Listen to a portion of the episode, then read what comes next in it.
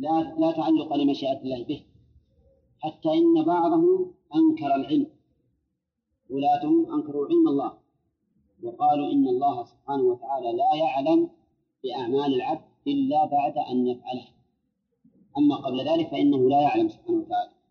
وأنكروا النصوص النصوص الصريحة الصريحة الصحيحة الصريحة في إثبات علم الله سبحانه وتعالى في كل شيء حتى في أعمال الإنسان.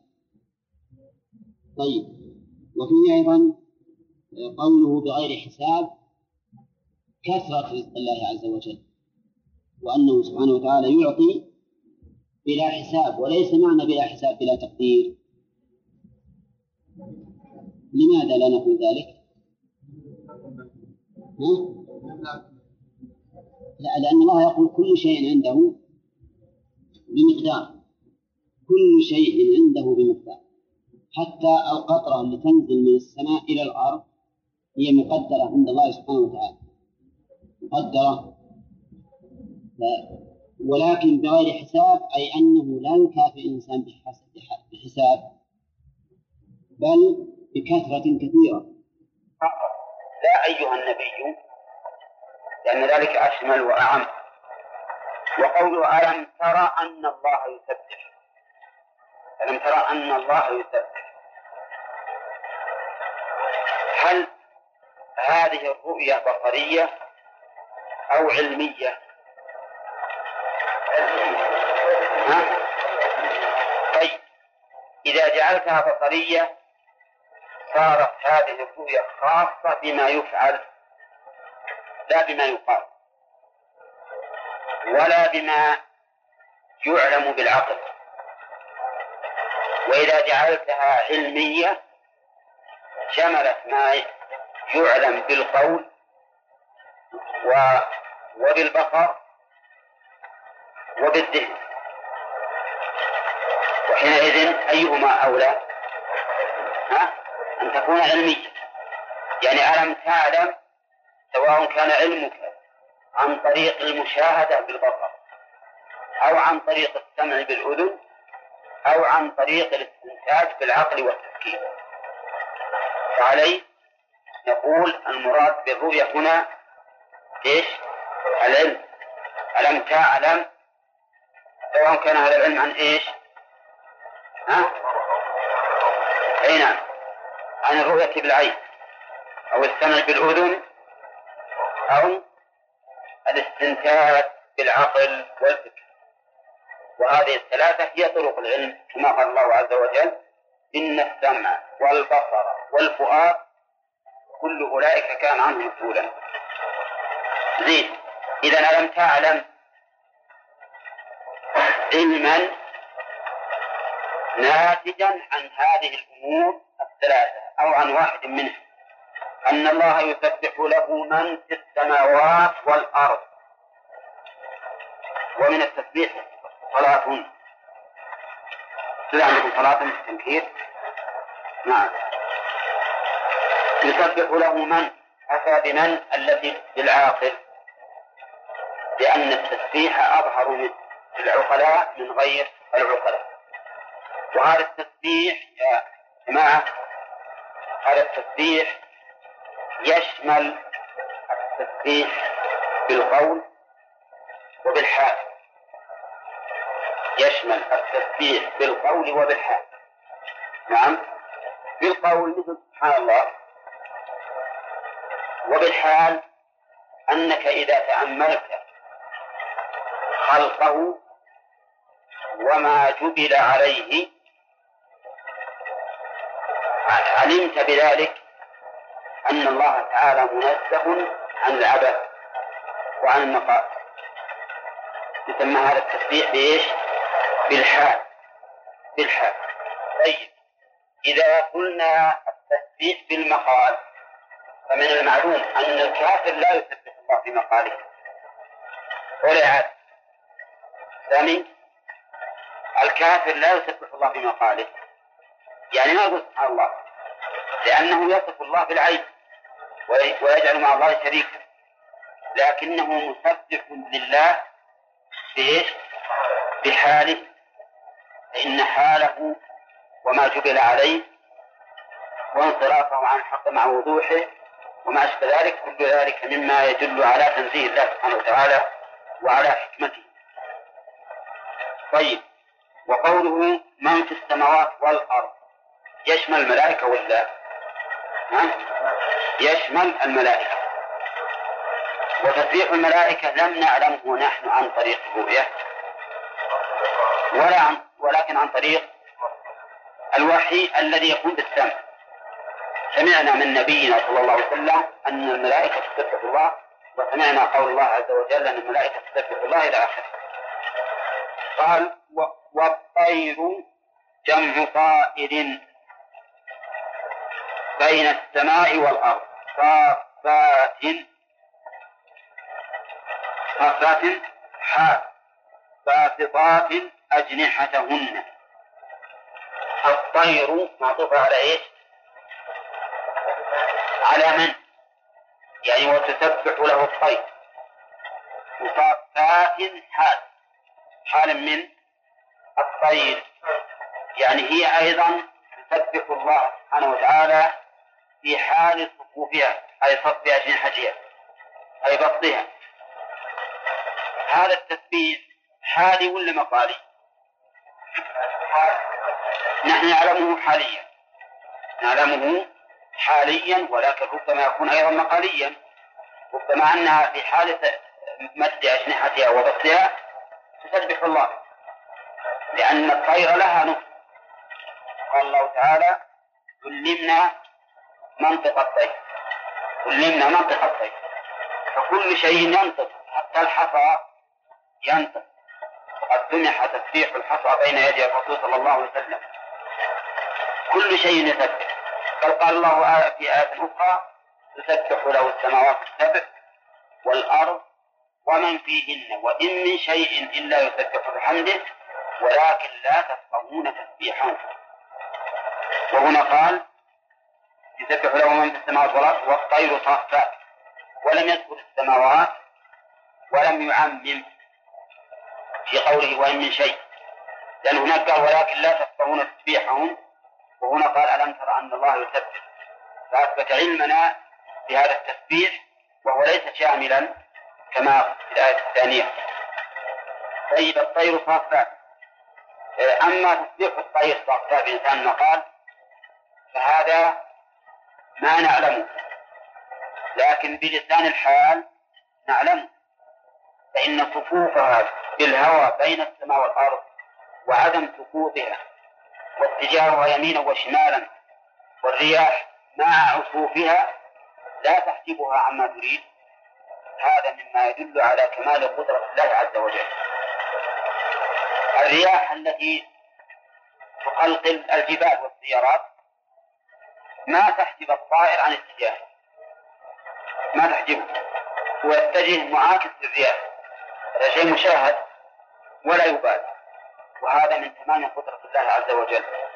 لهذا قال هذا الطير الضعيف الصغير اللي يمكن الريح تحمله إذا كان متجها ما ما ما ما ما ترده الرياح. هذا من تمام قدرة الله عز وجل. ومن تمام القدرة أيضا أنك تجده في أيام الشتاء. الباردة القارسة تجده يطير بين السماء والأرض. بهذه السرعة وفوق أيضا. ولا يتأثر بهذا البرد. كل ذلك دليل على كمال قدرة الله. ثم أعظم من هذا قال كل قد علم صلاته وتسبيحه. كل قد علم الله صلاته وتسبيحه. والله عليم بما يفعل كل قد علم علم فعل ماضي فيها ضمير مستتر. يعود على من؟ كلام المؤلف يعود على الله. ألم ترى أن الله يسبح له من في السماوات والأرض والطير صافات كل قد علم أي قد علم الله صلاته وتسبيحه. هذا ما ذهب إليه المؤلف. نعم. والقول الثاني أن فاعل علم يعود على من؟ وما عطف عليه. ها؟ فاعل علم يعود على من؟ وما عطف عليه. يعني يسبح له من في السماوات والأرض والسماوات كل من هؤلاء المسبحين قد علم صلاته وتسبيحه يعني أن الله تعالى ألهم هذه الأشياء حتى عرفت كيف تسبح الله عز وجل وكيف تصلي له. نعم. وأما علم الله بذلك فمفهوم من قوله والله عليم بما يفعلون. وعلى رأي المؤلف يكون في الآية شبه تكرار. أنه قد علم صلاته والله عليم ما يفعلون. الجملة هي الأولى. على رأي المؤلف. ولهذا الصحيح أن قوله كل قد علم أي كل من هؤلاء المكذبين قد علم هو نفسه. صلاته وتسبيحه. بأي شيء علم؟ أما بالنسبة للمخلوقين للبشر وكذلك الجن فقد علموا عن طريق الرسل. الرسل أرسلهم الله.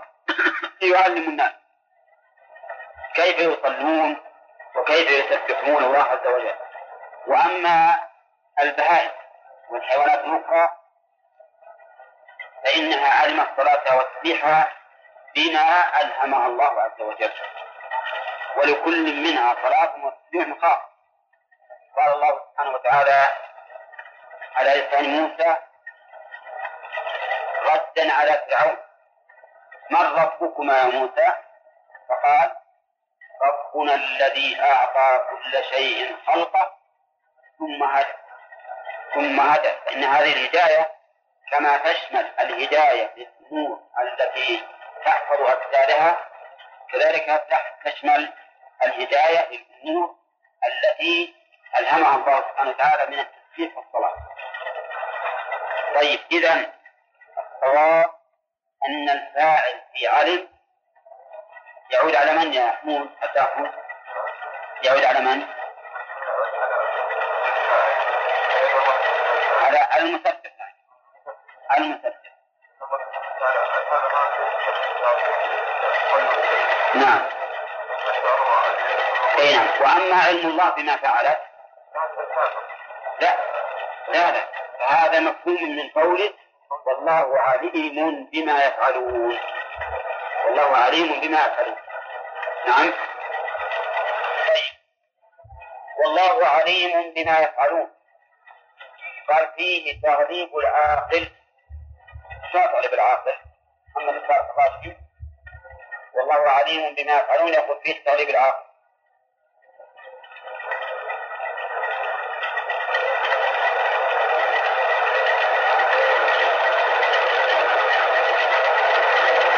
يشعرون ها؟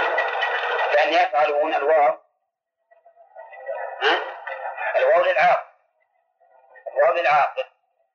ومعلوم أن من في السماوات يشمل العاقل وهو. لكن الآية غلب فيها العاقل لا بالأول ولا بالثاني. من؟ يسبح له من؟ هذه للعاقل. كذلك يفعلون للعاقل. ففيها تغليب العاقل والسبب في ذلك والله أعلم. أن التسبيح والصلاة للعاقل أظهر منها في غير العاقل فلذلك ولد وإلا فغير العقلاء في الأرض أكثر من العقلاء ما اختلط الحيوانات والحشرات؟ نعم.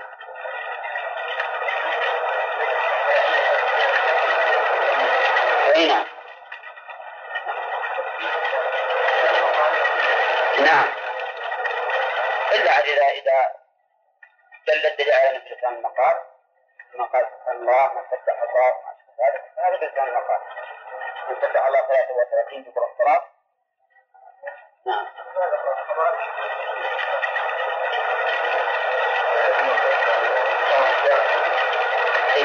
هذه مثل ما انه أحيانا يذكر بعد الركوع كذلك أحيانا يذكر بعد مما يدل على ان الصلاة من اهم من أهم الأعمال من الأعمال. لكن سبحان الله العظيم يعني شف حتى الحيوانات تصلي. حتى الحيوانات تصلي. كل قد علم صلاته وتسبيحه ولكن صلاتها ما مثل صلاتنا تختلف. المهم أن لها صلاة. لها صلاة ولها تسبيحا ولكنه خاص بها. قد علمها الله سبحانه وتعالى كيف تصلي وكيف تسبح وعلم الصلاة ثم قال تعالى ولله ملك السماوات والأرض وإلى الله المصير. ولله ملك السماوات والأرض. خزائن المطر والرزق والنباتات. غريبا هذا. ولله ملك السماوات والأرض. أولا ولله هي خبر مقدم ملك مبتدأ مؤخر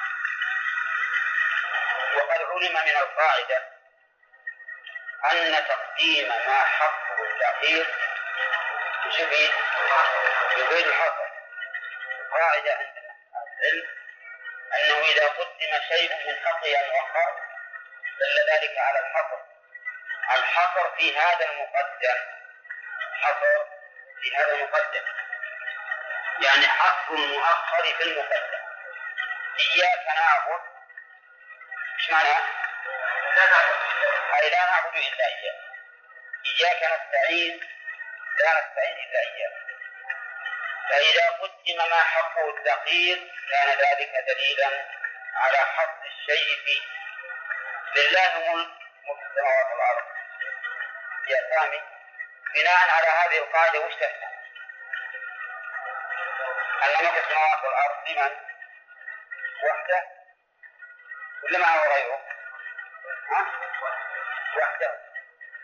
من الحصر لله ملك السماوات. وقوله ملك السماوات والأرض هذا شامل لملك الأعيان والتصريف ملك الأعيان والتصريف فملك السماوات أعيانهما لله. والتصريف والتدبير أيضا لمن؟ لله. وتخصيص ذلك بخزائن الرزق والنبات والمطر هذا لا لا وجه له اطلاقا. والله تعالى له ملك السماوات والأرض. خلقا وتدبيرا. الأعيان والتصريف نعم. لله وحده. ويدل على ذلك ما فيها من الانتظام وعدم الاضطراب وعدم التناقض. ولهذا تدل الله سبحانه وتعالى على وحدانيته بقوله ما اتخذ الله من ولد وما كان معه من إله. إذا لو كان معه إله لذهب كل إله بما خلق. صحيح. ما دام إله لازم يصير مملكة واحدة وفي النتيجة ولا على بعضهم على بعض. فإذا على بعضهم على بعض فلمن تكون الألوهية؟ للعالي بلا شك. تكون للعالي بلا شك. ونحن نرى بعين اليقين أنه لم يتميز الخلق بعضه على بعض وأن العالم العلوي والسفلي كله وحده. كله يعني كتلة واحدة. يسخر بعضه لبعض ويتم بعضه ببعض.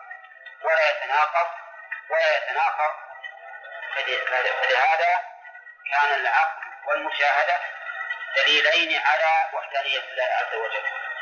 ثم لا يمكن أيضا تعدد الآلهة لا بد أحدهم بيغلب لأنهما إن تمانعا هذا دليل عقلي جدا. معروف. إن تمانع وعجز كل واحد منهما عن الآخر وش صار؟ صار غير مستحقين للألوهية كلهما يكون رب ما دام كل واحد عجز الرب يكون عاجز.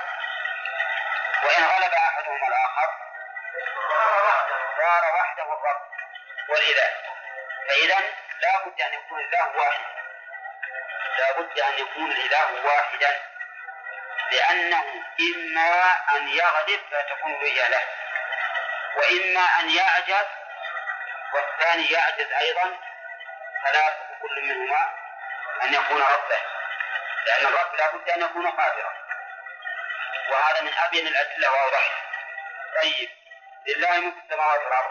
إذا قال قائل أليس الله تعالى يقول إلا على أزواجهم أو ما ملكت أيمانهم؟ ويقول والذين يبتغون الكتاب مما ملكت أيمانكم فكاتبوا فأثبت للإنسان ملكا. طيب ما وجه الشبه؟ يا محمد بين هؤلاء الكفار بين أعمالهم وهذا السراء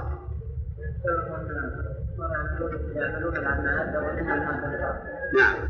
وكذلك القائل انه ماء فيقصده القصد فيكون يكونه أحوج مكان. إليه. طيب. قوله ووجد الله عنده الضمير في عنده يعود على على أي شيء؟ إسماعيل؟ على رأي المؤلف على العمل. نعم. يعني فيكون هنا عاد على المشبه دون المشبه به. ويحتمل أنه عائد على المشبه به. يعني وجد هذا الظمآن وجد الله عنده أي عند هذا السراب حينما مات من العطش فوفاه الله حسابه طيب نعم. ها؟ إي نعم. الظمآن نعم. طيب يا أحمد. البحر الودي ما وش معناه؟ العميق طيب.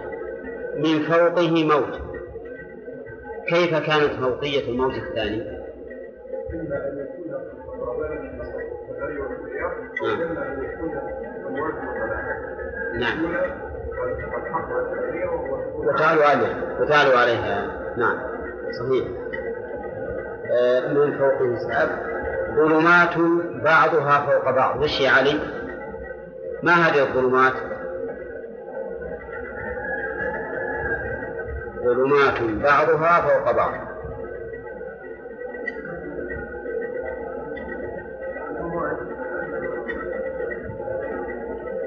ظلمات بعضها فوق بعض.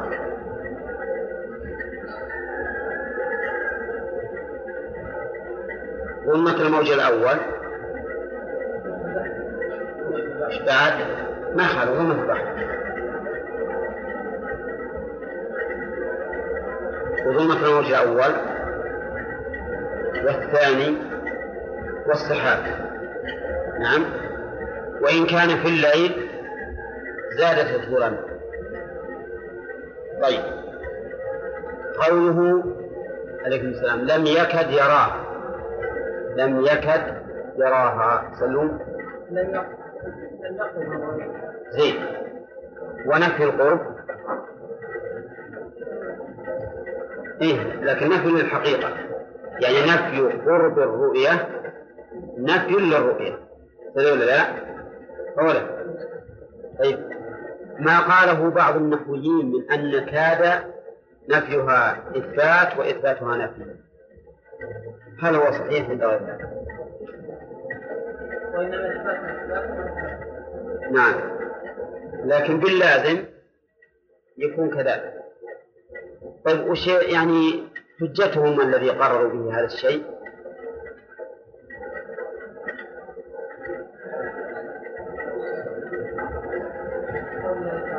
نعم. فذبحوها وما كادوا يفعلون. طيب هل في الآية دليل على ما قالوا؟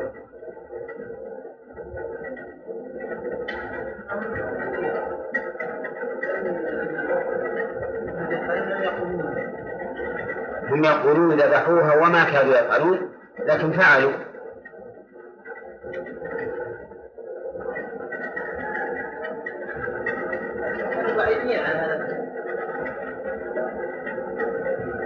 يعني معناه أن الفعل نعم. إيه؟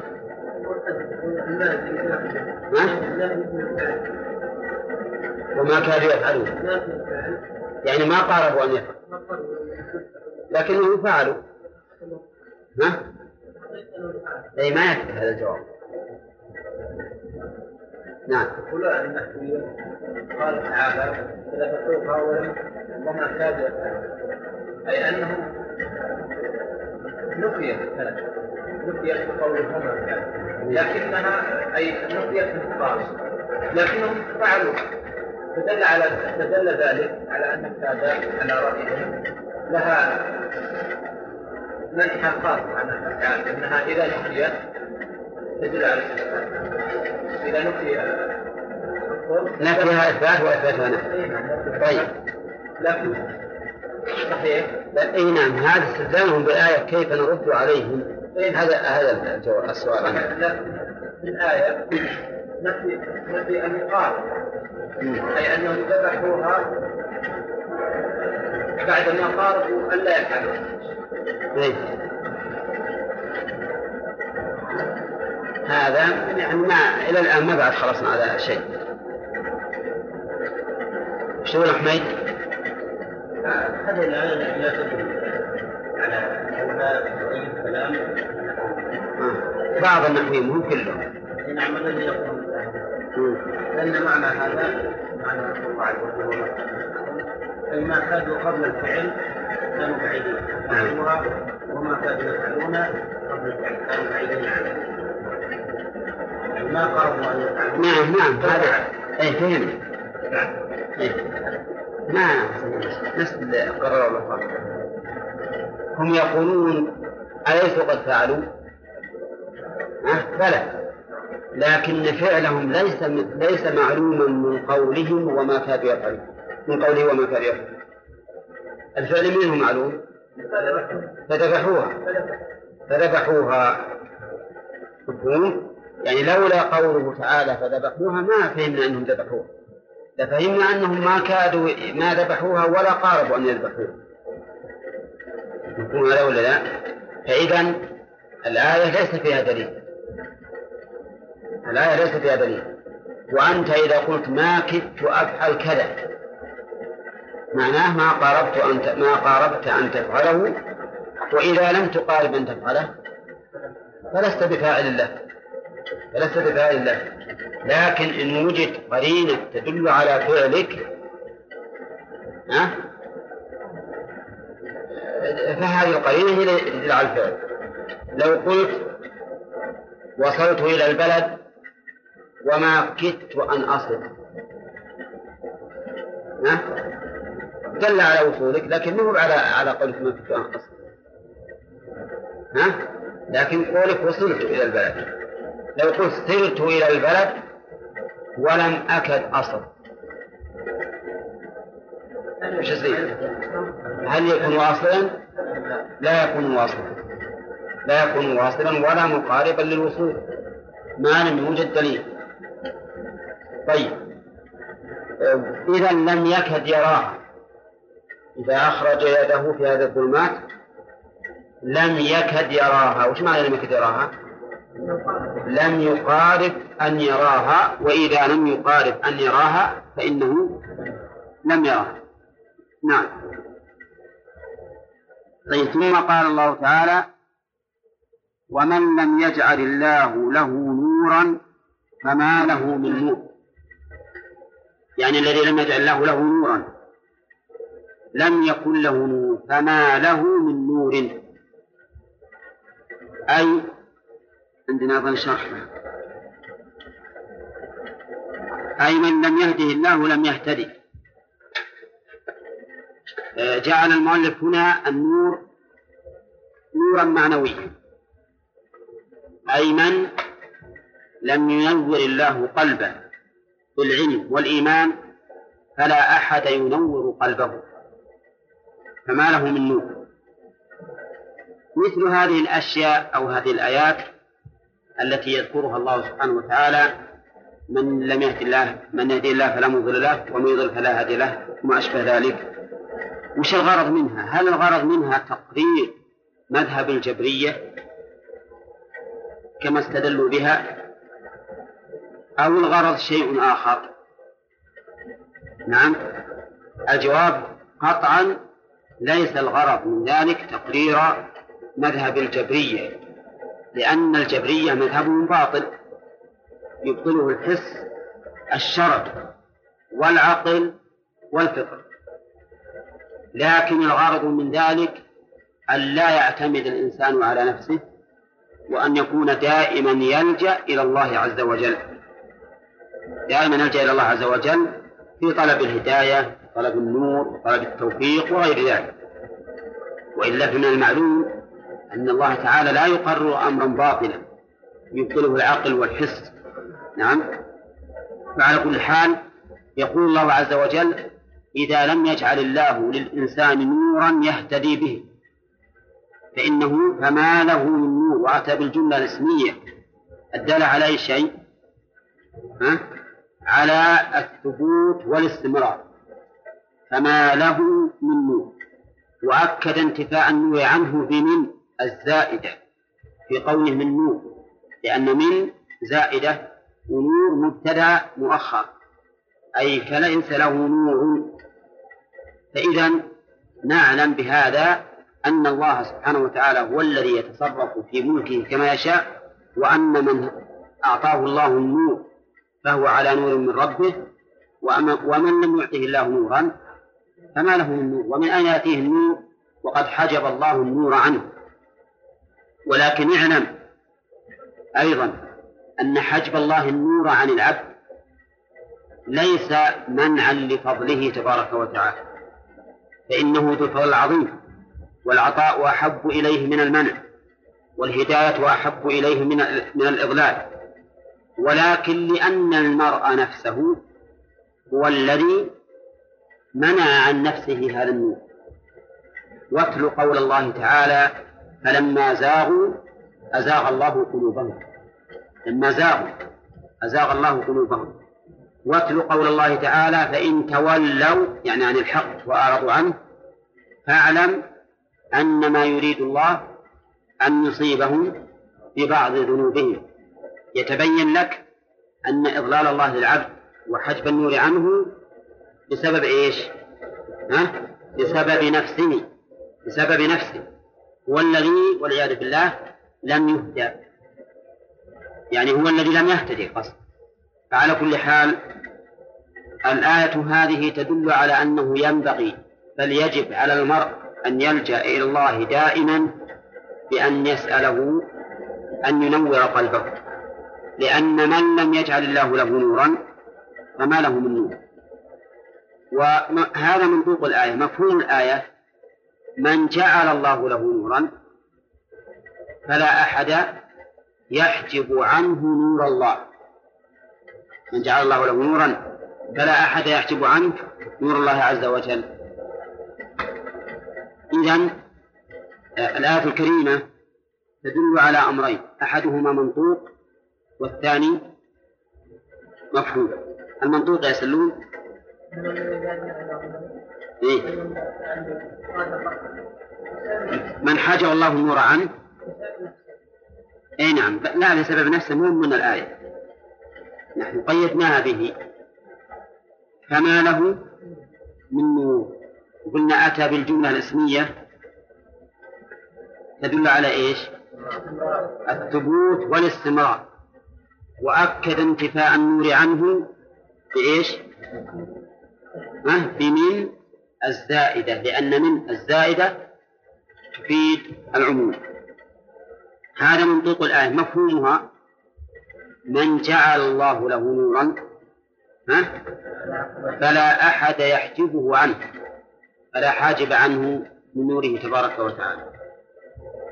ثم قال ألم تر أن الله يسبح له من في السماوات والأرض؟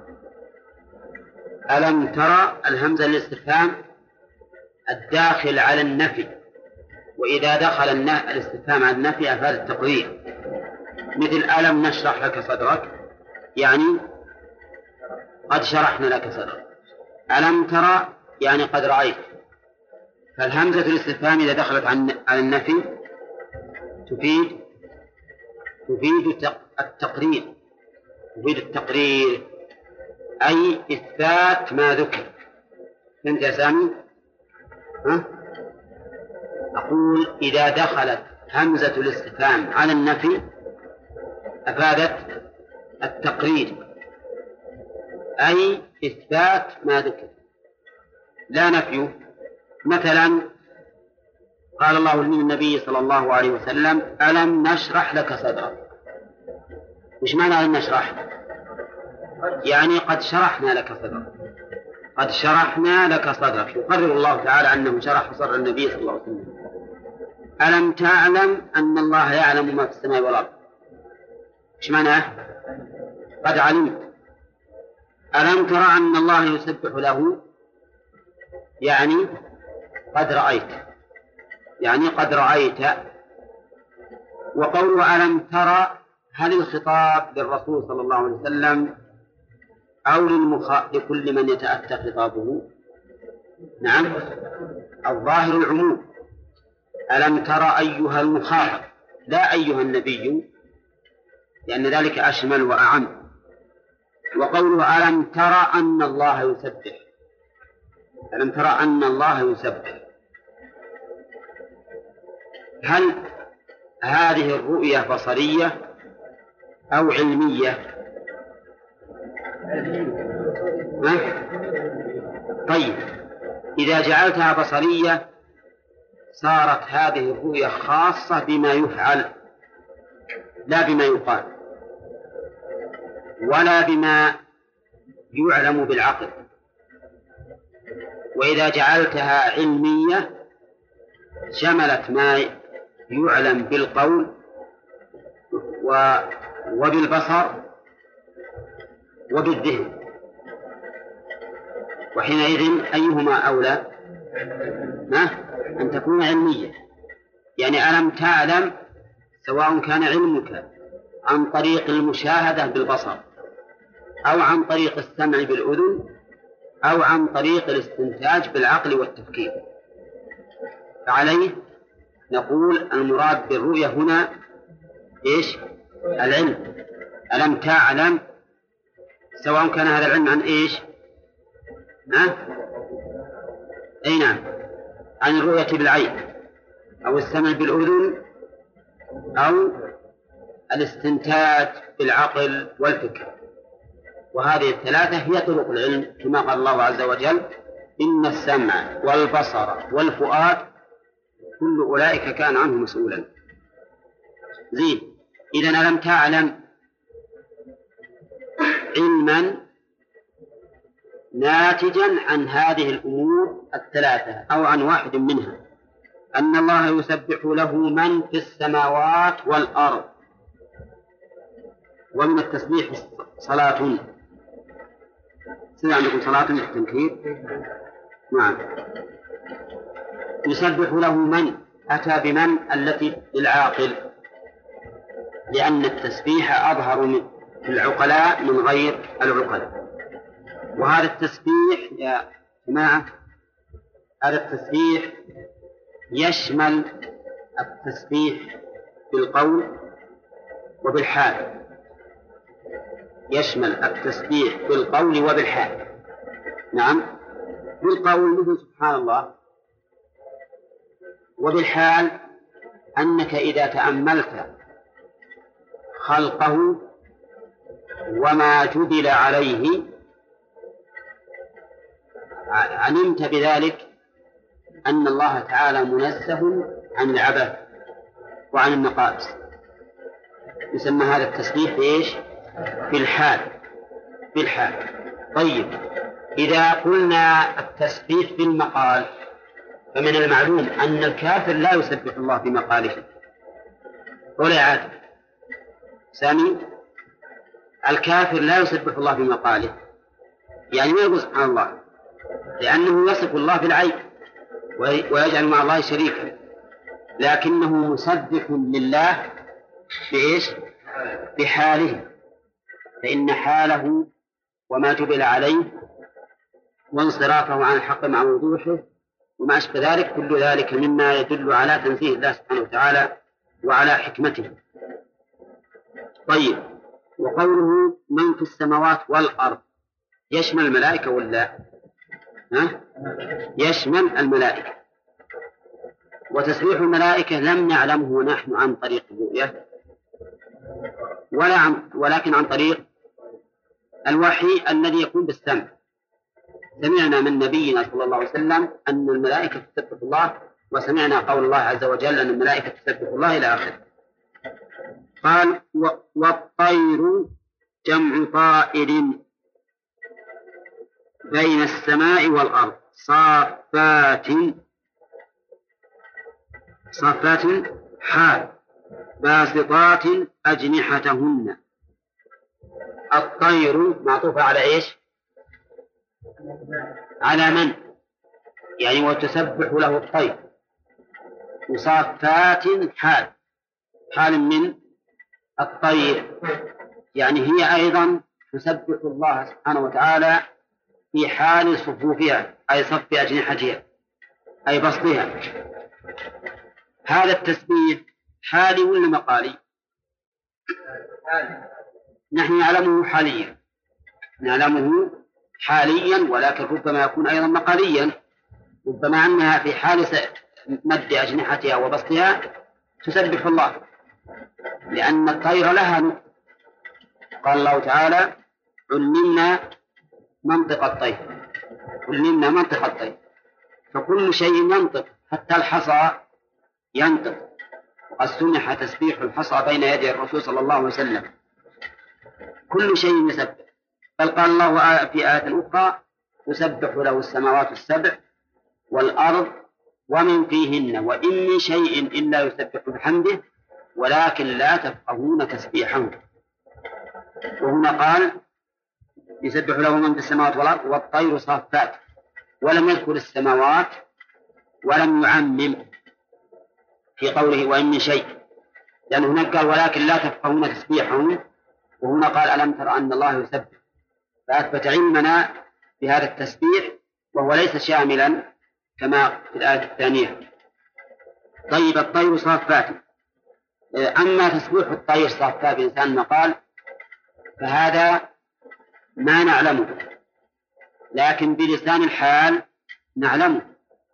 فإن صفوفها بالهوى بين السماء والأرض وعدم سقوطها واتجاهها يمينا وشمالا والرياح مع عصوفها لا تحجبها عما تريد هذا مما يدل على كمال قدرة الله عز وجل.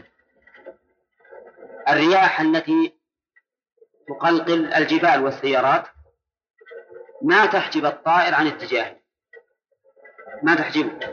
ويتجه معاكس للرياح. هذا شيء مشاهد ولا يبالي. وهذا من تمام قدرة الله عز وجل. لهذا الخالق هذا الطير الضعيف الصغير اللي يمكن الريح تحمله. إذا كان متجها ما ما ما ما, ما ترده الرياح.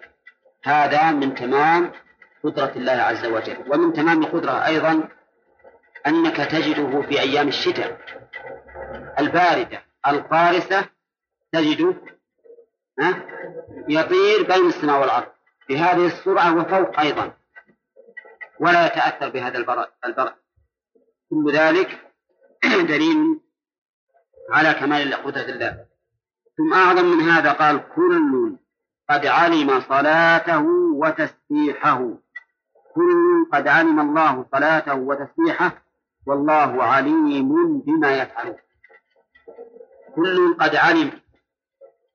علم فعل ماضي.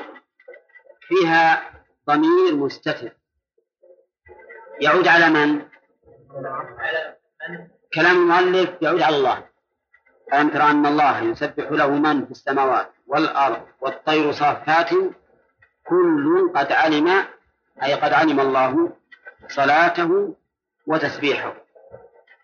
هذا ما ذهب إليه المؤلف. نعم. وقا والقول الثاني أن فاعل علم يعود على من؟ وما عطف عليه. ها؟ فاعل علم يعود على من وما عطف عليه. يعني يسبح له من في السماوات وما والأرض والطير الصفات. كل من هؤلاء المسبحين قد علم صلاته وتسبيحه. يعني أن الله تعالى ألهم هذه الأشياء حتى عرفت كيف تسبح الله عز وجل وكيف تصلي له. نعم. وأما علم الله بذلك فمفهوم من قوله والله عليم بما يفعلون. وعلى رأي المؤلف يكون في الآية شبه تكرار علم قال علم الصلاة والسبيحة والله عليم بما يفعلون. هالجملة هي الأولى؟ على رأي المؤلف. ولهذا الصحيح أن قوله كل قد علم أي كل من هؤلاء المسبحين قد علم هو نفسه. وأما علم الله بذلك فمفهوم من قوله والله عليم بما يفعلون وعلى رأي المؤلف يكون في الآية شبه تكرار علم قال علم الصلاة والسبيحة والله عليم ما يفعلون. هالجملة هي الأولى؟ على رأي المؤلف. ولهذا الصحيح أن قوله كل قد علم أي كل من هؤلاء المسبحين قد علم هو نفسه. صلاته وتسبيحه. بأي شيء علم؟ أما بالنسبة للمخلوقين للبشر وكذلك الجن فقد علموا عن طريق الرسل. الرسل أرسلهم الله ليعلموا الناس. كيف يصلون وكيف يسبحون الله عز وجل؟ وأما البهائم والحيوانات الأخرى فإنها علمت الصلاة والتسبيح بما ألهمها الله عز وجل. ولكل منها صلاة وتسبيح خاص. قال الله سبحانه وتعالى على لسان موسى ردا على فرعون من ربكما يا موسى؟ فقال ربنا الذي أعطى كل شيء خلقه ثم هدى ثم هدى. فإن هذه الهداية كما تشمل الهداية للأمور التي تحفظ أجسادها كذلك تشمل الهداية للأمور التي ألهمها الله سبحانه وتعالى من التسبيح والصلاة. طيب إذا الصواب أن الفاعل في علم يعود على من يا حمود؟ أتى يعود على من؟ على على المسبح يعني. على المسبح.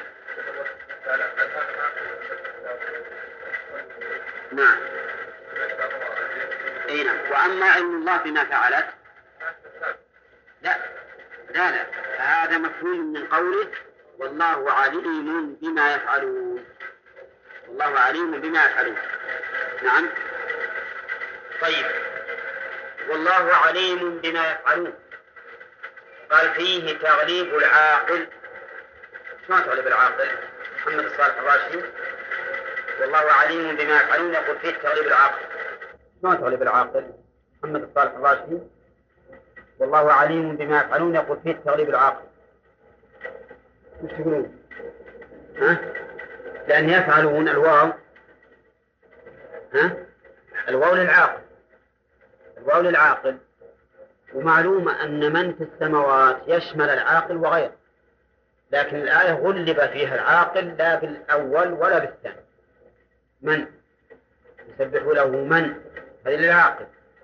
كذلك يفعلون للعاقل. ففيها تغليب العاقل والسبب في ذلك والله أعلم أن التسبيح والصلاة في العاقل أظهر منها في غير العاقل. فلذلك غلب وإلا فغير العقلاء في الأرض أكثر من العقلاء. فهذا أكثر والحيوانات والحشرات؟ نعم. أي نعم. نعم. إلا إذا إذا دل الدليل على مثل لسان المقال مثل ما قال سبحان الله ما سبح الله ما أشبه ذلك هذا بلسان المقال. من سبح الله 33 دبر الصلاة. نعم. هذه مثل ما أنه أحيانا تذكر بعد العموم كذلك أحيانا يذكر بعدها العموم. مما يدل على أن الصلاة من أهم من أهم الأعمال. من أهم الأعمال. لكن سبحان الله العظيم يعني شوف حتى الحيوانات تصلي. حتى الحيوانات تصلي. كل قد علم صلاته وتسبيحه. ولكن صلاتها ما ندري عدد مثل صلاتنا ولا تختلف. المهم أن لها صلاة. لها صلاة ولها تسبيحا. ولكنه خاص بها. قد علمها الله سبحانه وتعالى كيف تصلي وكيف تسبح وعلم الصلاة والتسبيح ثم قال تعالى ولله ملك السماوات والأرض وإلى الله المصير.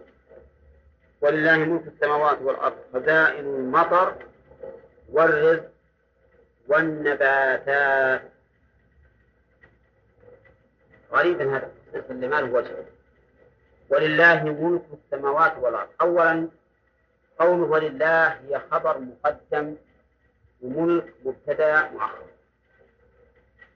وقد علم من القاعدة أن تقديم ما حقه التأخير وش يفيد؟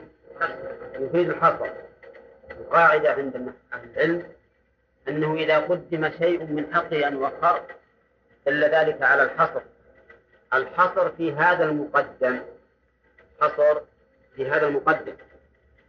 يعني حصر المؤخر في المقدم. إياك نعبد. إيش معناه؟ أي لا نعبد إلا إياك إياك نستعين لا نستعين إلا إياك فإذا قدم ما حقه التأخير كان ذلك دليلا على حصر الشيء فيه لله ملك ملك السماوات والأرض يا سامي بناء على هذه القاعدة وش تفهم؟ أن ملك السماوات والأرض لمن؟ وحده ولا معه غيره؟ ها؟ وحده. من الحصر لله ملك السماوات.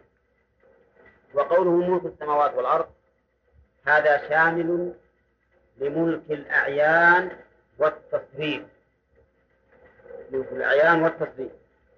فملك السماوات أعيانهما لله. والتصريف والتدبير أيضا لمن؟ لله. وتخصيص ذلك بخزائن الرزق والنبات والمطر هذا لا, لا وجه له إطلاقا.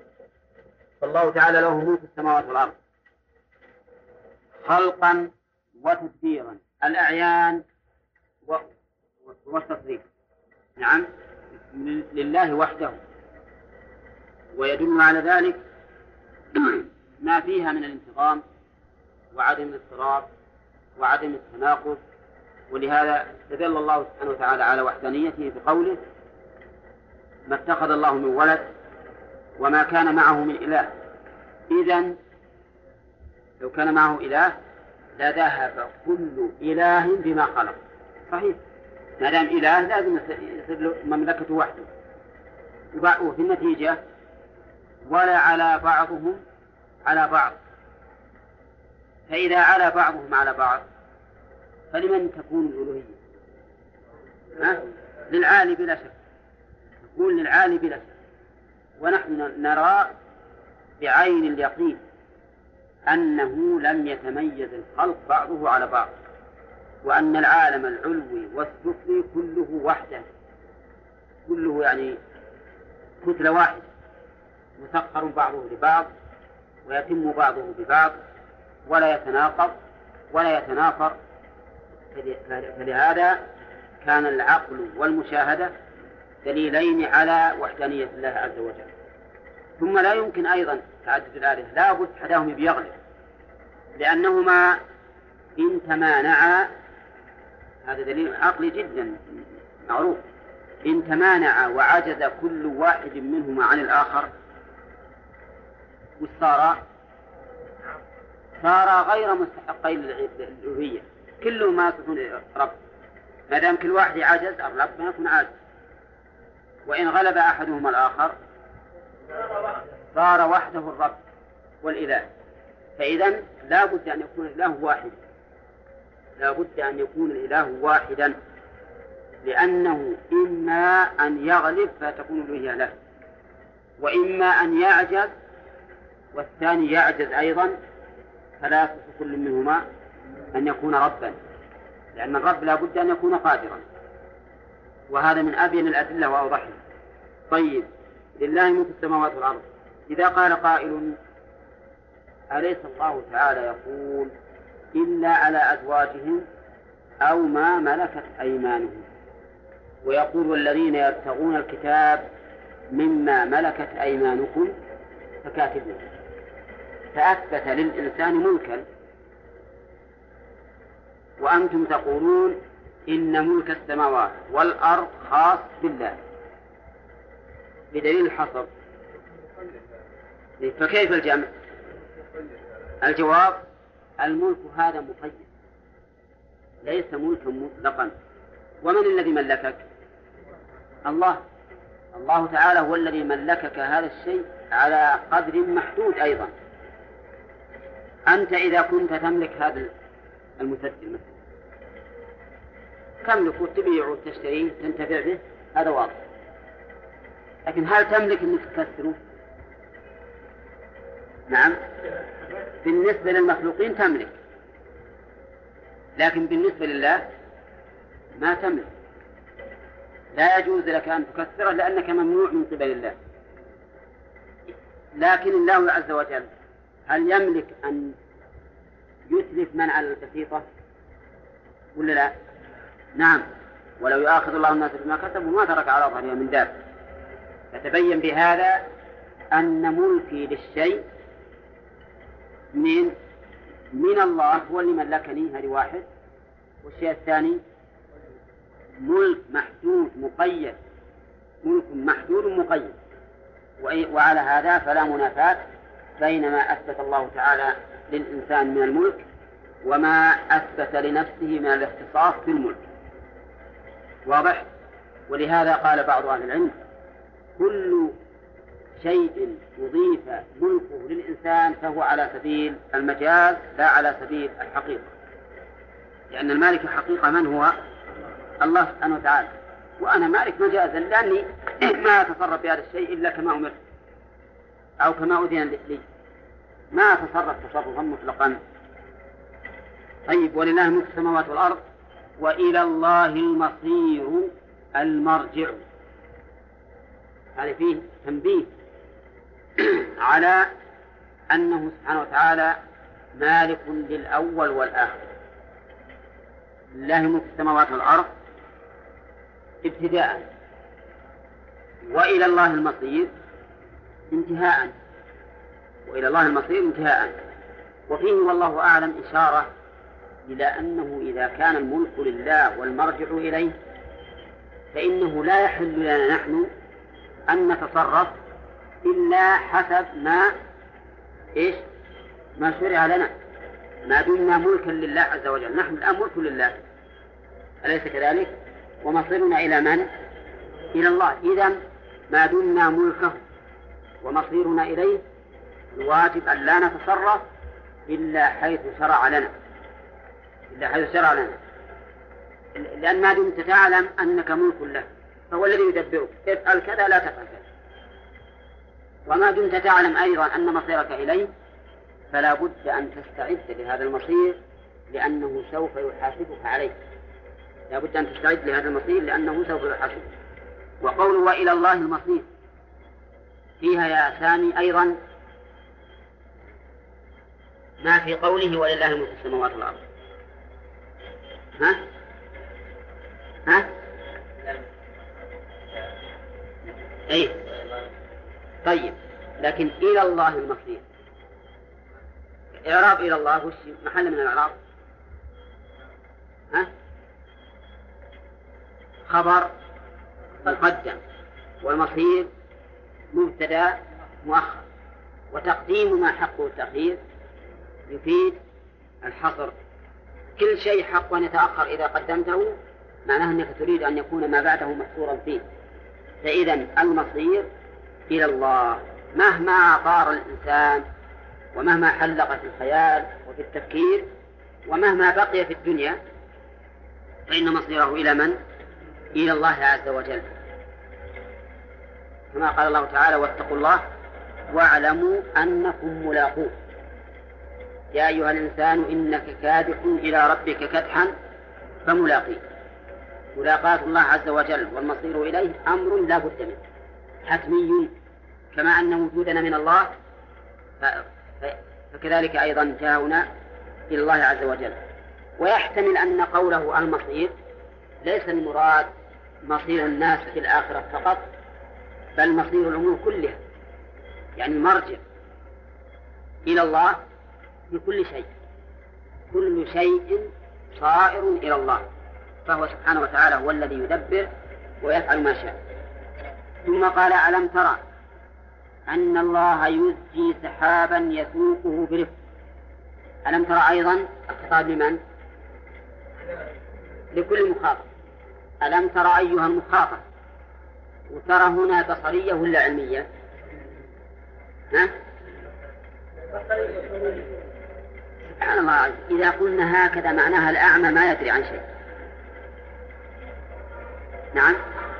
الأعمى معناه أنه ما ما ما اعتبر بهذا السحاب. لأنه ما يرى. لماذا لم نقل علمية؟ لأن العلمية تتضمن البصرية. يعني ألم تعلم سواء كان ذلك عن طريق المشاهدة أو عن طريق السماع. أولا إذا نخليها تعلم على أنها علمية. ترى أي تعلم أن الله يزكي سحابا يسوقه برفق. وبعضهم يقول يسوقه ولم يقيده برفق. نعم ولعل ذلك أولى أن نفسر الإزجاء بالسوء سواء برفق أو بغير رفق. لأننا نشاهد أن السحاب يسير أحيانا برفق. وأحيانا يسير نعم. وأحيانا يسير بسرعة. وهو سحاب. نعم. يقول المتنبي أظن. ومن الخير بطء سيفك عني. ومن الخير بطء سيفك عني. أسرع السير في المسير أسرع السحب في المسير الجهام. أسرع السحب في المسير الجهام. اللي ما فيه مثل قوله تعالى ألم نشرح لك صدرك؟ فهو للتقرير. يعني قد شرحنا لك. وهكذا كلما دخلت أداة الاستفهام على النفي صارت بالتقرير تقرير ذلك الشيء. يقول الله تعالى مقررا هذا الأمر المرئي ألم ترى أن الله يزجي سحابا؟ والرؤية ألم ترى بمعنى العلم. وتفسيرنا لها بالعلم أعم من تفسيرها بالرؤية البصرية. لأجل يشمل رؤية الإنسان ببصره لأنها تؤدي إلى العلم ورؤية الإنسان بسمعه فيما يخبر به لأنها تؤدي أيضا إلى العلم. ورؤية الإنسان بقراءته عن هذا الأمر لأنه يؤدي إلى العلم. والمهم أنه ما دامت الرؤية محتملة لأن تكون بمعنى العلم فتفسيرها بالعلم أولى. لأنه أشمل وأعم. والخطاب في قوله ألم ترى هل هو للنبي صلى الله عليه وسلم أو لكل من يصح خطابه؟ الظاهر أنه لكل من يصح خطابه. يعني ألم ترى أيها المخاطب؟ أن الله يزيد أصحابا إلى آخره. لأن ذلك أيضا أشمل. وقوله يزجي سحابا يقول المؤلف يسوقه برفق ومن المفسرين من قال يسوقه ولم يقل برفق لأجل أن يشمل السوق برفق وبغير رفق لأن السحاب كما هو مشاهد أحيانا يكون مشيه رويدا رويدا وأحيانا يكون مشيه بسرعة سريعة. و ثم يؤلف بينه يضم بعضه إلى بعض. فيجعل المتقطعة فيجعل القطع المتفرقة قطعة واحدة. وهذا أيضا مشاهد. فإن الله سبحانه وتعالى يؤلف بين هذا السحاب. نعم. ويجمع بعضه إلى بعض. حتى يكون قطعة كبيرة. وأحيانا لا يؤلف بينه نفس القطعة الكبيرة الصغيرة تتوسع وتكون قطعة كبيرة. لكن التأليف أبلغ لأن المؤلف أحيانا يكون من غير جنس المؤلف. به. دائما تكون سحابة بيضاء وحمراء وسوداء ثم تجتمع وتكون بلون واحد. وهذا أبلغ. هذا أبلغ. هذا التأليف يقول الله عز وجل ثم يجعله ركاما بعضه فوق بعض. ركاما يعني متراكما. بعضه فوق بعض. وهذا أيضا مشاهد برؤية العين فإن السحاب تجد بعضه فوق بعض. أما إذا كنت في الطائرة مرتفعا فإنه يبدو لك ذلك ظاهرا. تجد من السحاب ما هو تحتك ومن السحاب ما هو فوقك. وإذا كنت في الأرض يتبين لك أن السحاب بعضه على بعض بأي شيء؟ بكون بعضه يغطي بعضا. كيف يغطي بعضا؟ شوف مثل قطعة تمر تحت قطعة أخرى وتتجاوزه تعداه مما يدل على أن بعضه فوق بعض. هذا الركام له منظر عجيب إذا كان الإنسان فوق منظر يبهج ويسر. ولذلك جعله الله تعالى من الآيات الدالة على كمال قدرته. ثم فترى الودق المطر يخرج من خلاله مخارجه.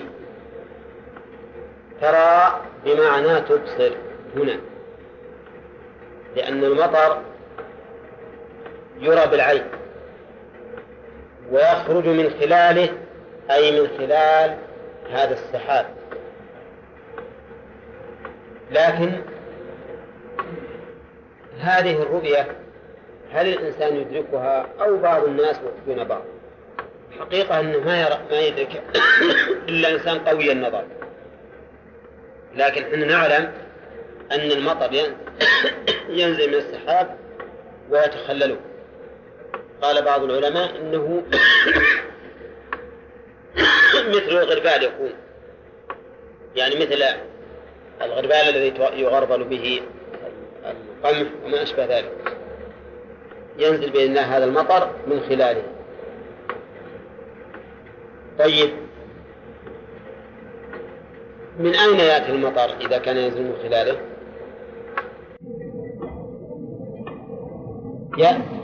من منه هو نفسه. ينعصر بإذن الله ثم يتخلل منه. ثم قال تعالى وأنزلنا من المعصرات ماء ثجاجا. أنزلنا من المعصرات. فإنه بإذن الله ينعصر وينزل هذا المطر. وعلى كل حال الأسباب الطبيعية ما, ما نعرف عنها شيئا لكن هذا ما نعرفه بالرؤية الحسية وينزل من من السماء من جبال فيها في السماء بدل من السماء بإعادة الجار. من برد أي بعضه فيصيب به من يشاء إلى آخره. ينزل من السماء من جبال فيها. السماء. الغريب المؤلف رحمه الله مرتبط في هذا قال بالأول من جبال قال من زائدة. يعني زائدة إعرابا. فعلى كلامه يكون التقدير وينزل من السماء جبالا. ثم عقب قال بدل من السماء بإعادة الجار وش اللي بدل؟ قوله من جبال. من جبال في السماء. من جبال في السماء. طيب إذا كانت بدلا بإعادة الجار فهل من زائدة في السماء؟ بقوله من السماء. ولا ليست زائدة؟ ليست زائدة لأن الابتداء الابتداء ينزل من السماء الابتداء الغاية يعني إلى الأرض. والمعنى الحقيقة هو المعنى الأخير الذي ذكر على أن قوله من جبال بدل من السماء بدل من السماء. كأنه قال ينزل من جبال في السماء من جبال في السماء. فهي بدل من السماء بإعادة الجار الذي هو من. بإعادة الجار الذي هو من. وعلى هذا فلا تكون من زائدة بل تكون لابتداء الغاية يعني ينزل من السماء إلى الأرض. منين ينزل من السماء؟ قال من جبال فيها أي في السماء من برد أي بعضه. هذا الذي لو قال إن من زائدة لكان له وجه لكن هو جعل من تبعيضية بقوله لأنه قال أي بعضه يعني بعض برد. نعم؟ من جبال فيها من برد. ها؟ ما عندك ما عندك زائدة؟ عجيب. من السماء من جبال فيها. ما عندكم زائدة؟ هي من الصلة أو زائدة المعنى واحد. لكن عندكم صلة أو زائدة؟ على كل حال زائدة أو صلة معنى واحد. لكن لكن كيف يقول زائدة أو صلة وهو يقول من جبال بدل من السماء بإعادة الرجال.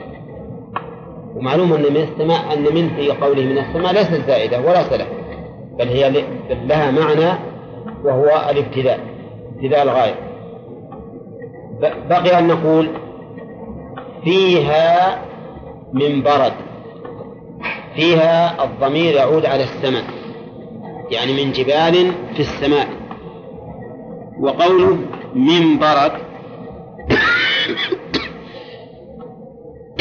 المؤلف يريد أن تكون من للتبعيض يعني ينزل بعض برد من هذه الجبال. ويحتمل أن تكون زائدة. يعني من برد أي بردا ينزل من السماء من جبال بردا تكون من زائدة. ويحتمل أن تكون من لبيان الجنس. لبيان الجنس. كيف لبيان الجنس؟ أي أن الجبال من برد. من جبال من البرد. فتكون الجبال نفسها؟ نعم. من من البرد. وعلى هذه وينزل من السماء من جبال من البرد ويكون مفعول التنزيل المفعول محذوف. يعني ينزل بردا. إذا كان ينزل من السماء من الجبال التي من البرد فإذا نزل من الجبال التي من البرد وش بينزل؟ بردا فيكون المفعول محذوفا تقديره بردا. طيب. صار على كل حال ينزل أين مفعولها على رأي المؤلف؟ مفعولها من برد لأنه قال أي بعضه على أساس أن من للتبعيض فهي بمعنى بعض. وعليه فيكون هذا هو مفعول ينزل وأما المنزل منه وش المنزل منه؟ الجبال لا من السماء من جبال. الجبال التي في السماء. الجبال التي في السماء لأن قلنا من جبال بدل من السماء بإعادة الجار. يكون منزل منه هذه الجبال. والمنزل البرد. والمنزل البرد. على الاحتمال الأخير اللي ذكرنا أن من زائدة. يكون أيضا المنزل البرد لكن ليست من للتبعيد وعلى الاحتمال الثالث قلنا إن من لبيان الجنس. وش جنسه؟ جنس الجبال. جنس الجبال. جبال من برد. جبال من برد. يعني ينزل من جبال من البرد. وش ينزل؟ بردا. فعليه يكون محذوف أي يكون مفعول. المنزل محذوفا. المنزل اللي هو المفعول محذوفا. تقديره بردا ودل عليه السياق. دل عليه السياق. على كل حال معنى الآية الكريمة أن في السماء جبالا من البرد ينزل الله تعالى منها من هذه الجبال. من هذه الجبال. هذا المنزل أحيانا يكون كبيرا وأحيانا يكون صغيرا لكن من نعمة الله أنه لا يكون كبيرا بحيث يهدم البناء هذا شيء نادر جدا. إنما يكون كبيرا بحيث يقتل بعض الزروع أو بعض الأشجار حسب حكمة الله عز وجل. أما أن يهدم منازل ويقتل الآدميين فهذا قليل وإن كان قد يوجد لكنه قليل. وفي هذا دليل على قدرة الله سبحانه وتعالى أن هذا السماء تكون فيه هذه الجبال. هذه الجبال من البرد نعم وينزل منها ما ينزل بمشيئة الله سبحانه وتعالى وحكمته على هذه الأرض. ولهذا قال فيصيب به من يشاء ويصرفه عن من يشاء. هذه الجملة هل هي لبيان الامتنان ولا لبيان العقوبة؟ يصيب به من يشاء ويصرفه عن من يشاء. ها؟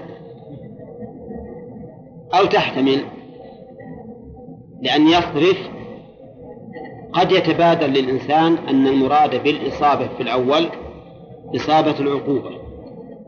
كما يقال صرف الله عنك السوء. نعم وكما جاء في الحديث واصرف عني سيء الأخلاق والأعمال. فلا يصرف ولا يعبر بالصرف إلا عن شيء مكروه. وعلى هذا فتكون الجملة فيصيب به من يشاء ويصيب من يشاء مسوقة لبيان العقوبة التي تحدث بهذا البرد. ويحتمل أن يكون من باب الامتناع فإن البرد قد يكون خيرا وقد يحصل به ري الأرض ونبات الأشجار وغير ذلك. يصير هذا من باب سياق الامتنان يصيب بهذا البرد من يشاء فينتفع به ويصرفه عن من يشاء فيفوته. إيش؟ الانتفاع. يفوت الانتفاع. ولا مانع من أن يستعمل الصرف في صرف الشيء النافع. لا مانع وإن كان الاكثر أن يكون في صرف الأشياء الضارة لكن قد يستعمل أيضا في صرف الأشياء عن التي تنفع. طيب هذا من بلاغة القرآن. أن تكون هذه الجملة صالحة للوجهين. وجه العقوبة ووجه الرحمة. الإصابة بالبرد أحيانا تكون عقوبة تهلك بها الزروع وتموت بها المواشي وأحيانا تكون بالعكس.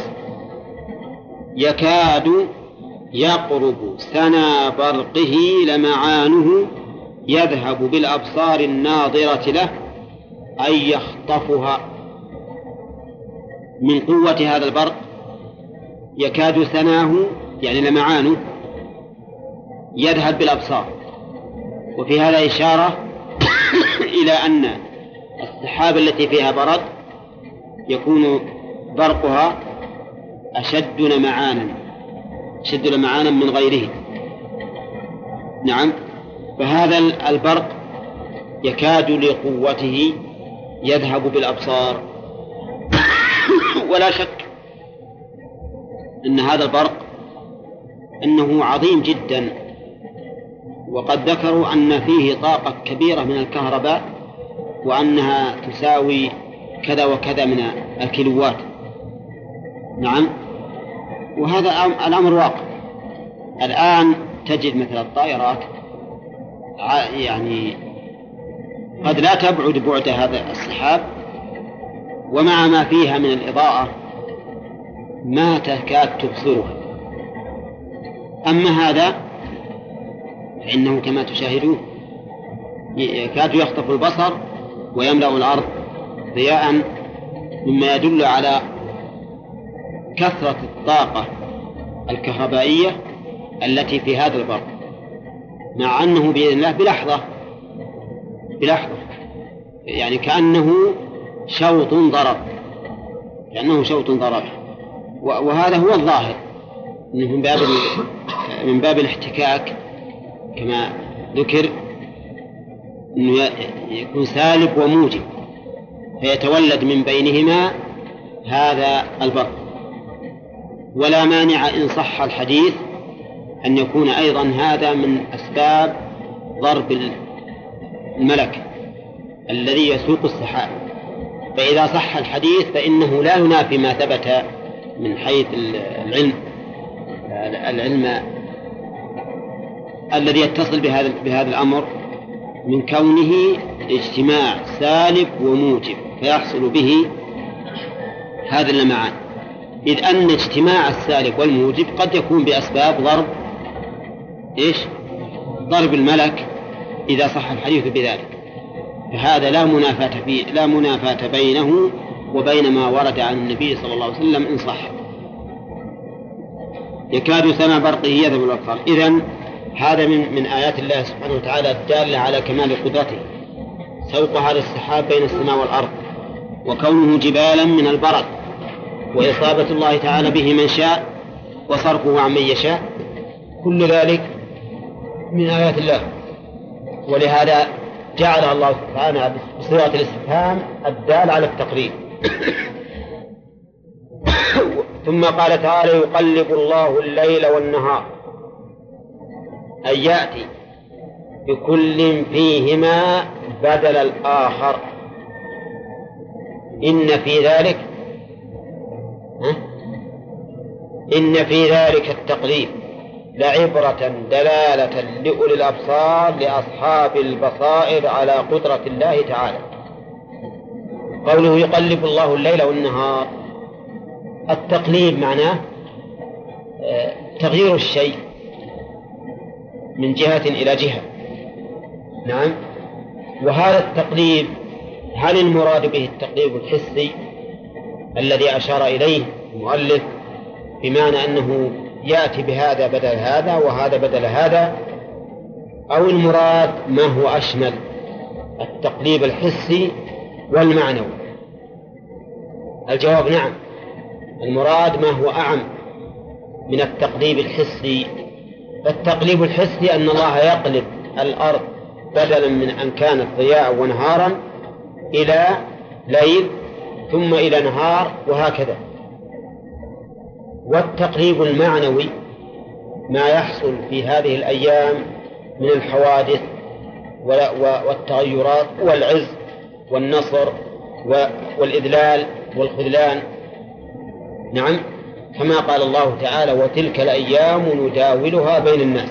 الصواب في التقليب هنا أنه ليس خاصا بالتقليب الحسي الذي هو جعل الليل مكان النهار والنهار مكان الليل بل هو أعم من ذلك.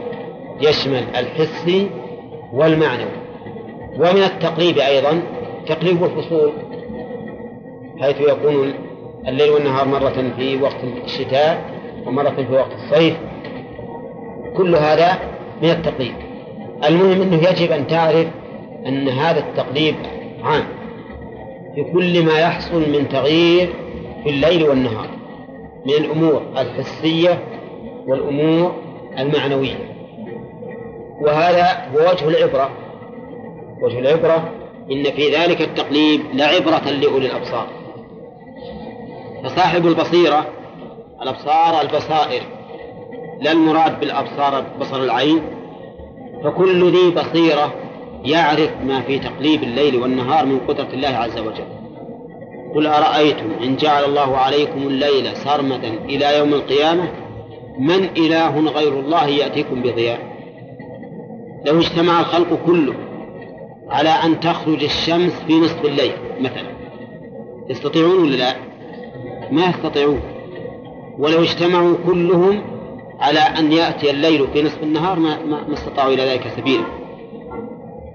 ولو أن الله تعالى جعل الوقت دائما ليلا أو نهارا ما استطاع الخلق كلهم أن يغيروا هذا الوقت ولهذا بين الله منته على عباده ومن رحمته جعل لكم الليل لتسكنوا فيه والنهار مبصرا. كذلك ما يحصل في الليل والنهار من الحوادث وتقلبات الأمور فهذا أيضا فيه عبرة. تجد مثلا هذا الملك لهذا الرجل ملك تام وافي ونعم وافرة ثم ينقلب ذلك الملك إلى ذل. وأسر وتجد هؤلاء القوم في عز ونصر وتمكين وإذا الأمر بالعكس إذا الأمر بالعكس. كل هذا مما يستدل به الإنسان العاقل ذوي البصيرة على ما لله تعالى من قدرة في تقليب الأمور ومن حكمة في تدبيرها. طيب قوله إن في ذلك لعبرة لأولي الأبصار. إذا كنت لا تتخذ من ذلك عبرة أظن هذا خلاص. إذا كنت لا تتخذ من ذلك عبرة فاعلم أنك لست من ذوي البصائر. نعم. إذا كنت لا تتخذ من ذلك عبرة ولم تجد في نفسك حركة لهذا التقلب وهذا التغير فاعلم أنك لست من ذوي البصائر. لأن كلام الله سبحانه وتعالى محكم ما يتغير. وقد أخبر أن في ذلك التقليب وش فيه؟ عبرة لأولي الأبصار. فإذا لم يكن في ذلك لك فيه عبرة فاعلم أنك لست من ذوي البصائر. إذا لا بد أن تعالج نفسك. لا بد أن تعالج نفسك حتى تتأمل ما في هذا التقليب من العبر وتعتبر به. لا تظن هذه مجرد كلمة أطلقت إن في ذلك لعبة الأبصار وبس. وتقول إنسان صاحب البصيرة يعرف ما لله تعالى من ذلك في ذلك من القدرة والحكمة ولكن يجب أن تعتبر. فإذا لم تعتبر أنت فإنك لست من ذوي البصائر. ثم قال الله تعالى والله خلق كل دابة من ماء. بدل ما ذكر آيات الله سبحانه وتعالى في العالم العلوي ذكر آياته في العالم السفلي. وهو قوله والله خلق كل دابة أي حيوان من ماء أي نطفة. خلق بمعنى أوجد كل دابة الدابة كل ما يدب على الأرض. وإن كانت قد تطلق على ذوات الأربع عرفا يقال الدابة اللي تمشي على أربع هذا في العادة والعرف. ولهذا ما يسمى الإنسان دابة في العرف. لو يقول لك إنسان يا دابة يمكن تخاصم أنت وياه. لكنها في اللغة كل ما دب على الأرض فهو داب. قال الله عز وجل وما من دابة في الأرض إلا على الله رزقها. وقوله من ماء هذا أصل خلقة الدواب من الماء. وقول المؤلف من نطفة ليس بصحيح. لأنه ليس كل دابة من نطفة بل كل دابة من ماء. نطفة وغير نطفة. فأما ما يتوالد فماؤه نطفة. وأما ما يتولد فماؤه رطوبة.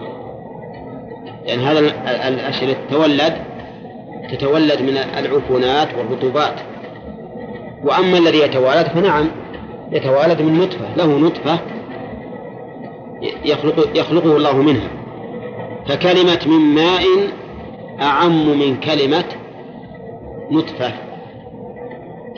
أعم من كلمة نطفة. والواجب إبقاء الآية على عمومها لأجل أن يشمل المتولد